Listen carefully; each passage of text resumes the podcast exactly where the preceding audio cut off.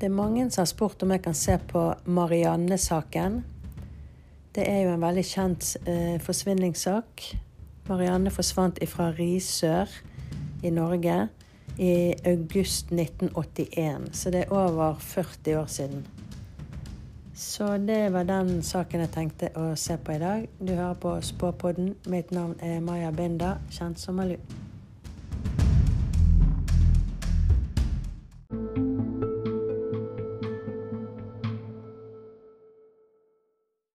Jeg må jo som vanlig si at dette er sett med klarsyn, og at jeg, tolker det jeg ser, og Ja, så vi må ta det for det det er. Ingen beskyldninger mot noen. Alle er jo uskyldige til det motsatte bevist, og alt dette her.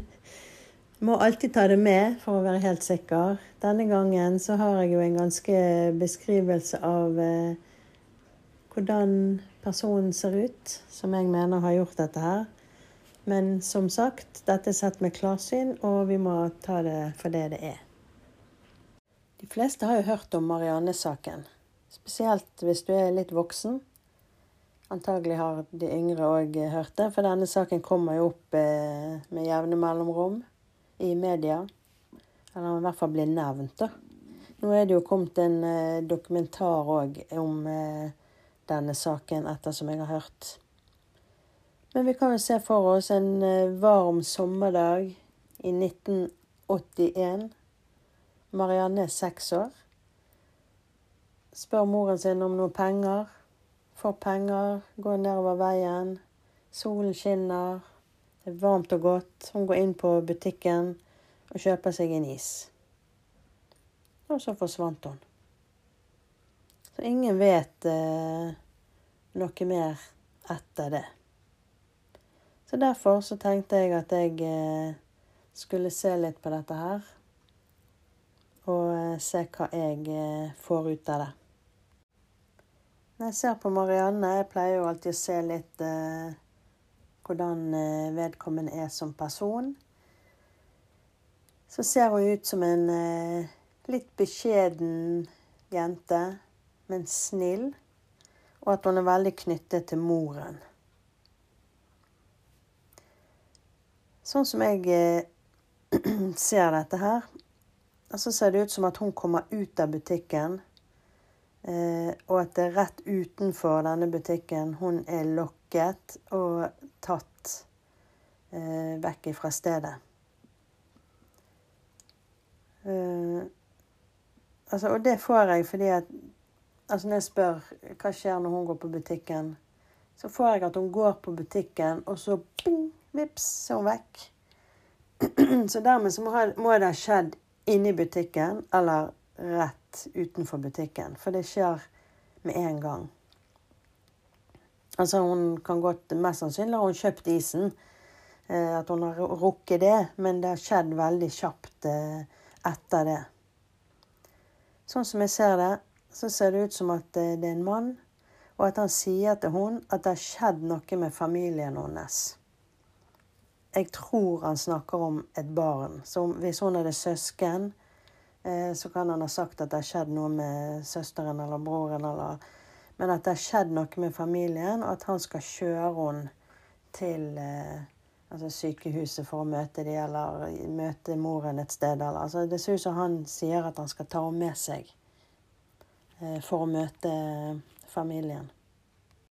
Når jeg spør hvem denne mannen er, eh, så får jeg han som at eh, altså Enten har han vært gjennom et samlivsbrudd, eller så er han enkemann.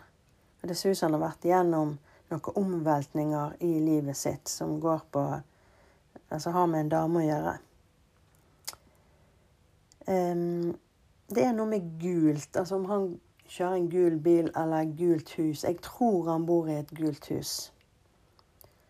Eh, jeg får han som pedofil, at han muligens har gjort dette før, for jeg ser at det er noe opprivende med barn rundt han.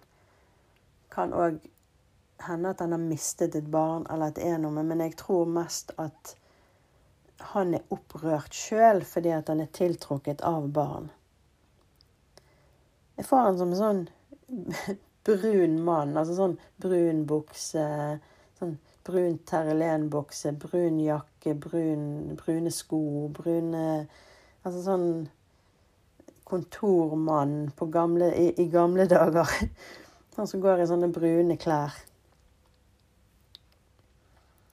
Eh, det ser ut som politiet har snakket med han i forbindelse med denne saken her.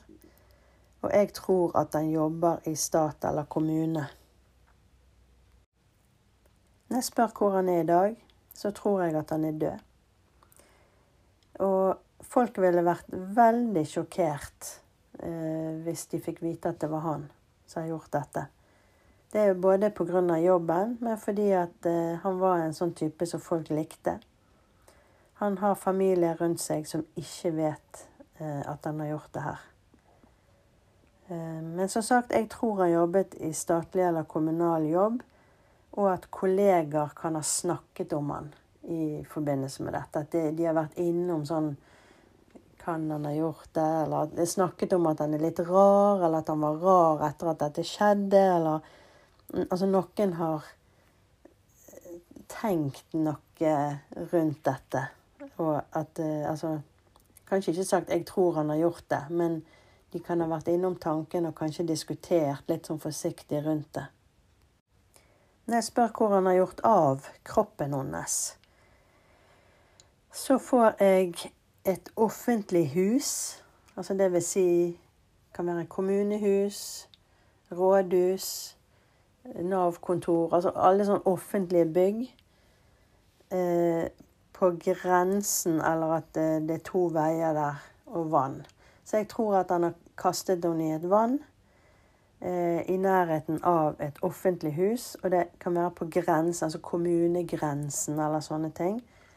Eh, eller at det er en sånn veikryss. Altså du står i et kryss, så kan du ta til høyre eller til venstre. Eh, og det kan være i nærheten av kommunegrensen eller sånne ting. Jeg klarer ikke å se noe nærmere enn det, men jeg vil jo tro at folk som er kjent i området, kan tenke på et sånt sted.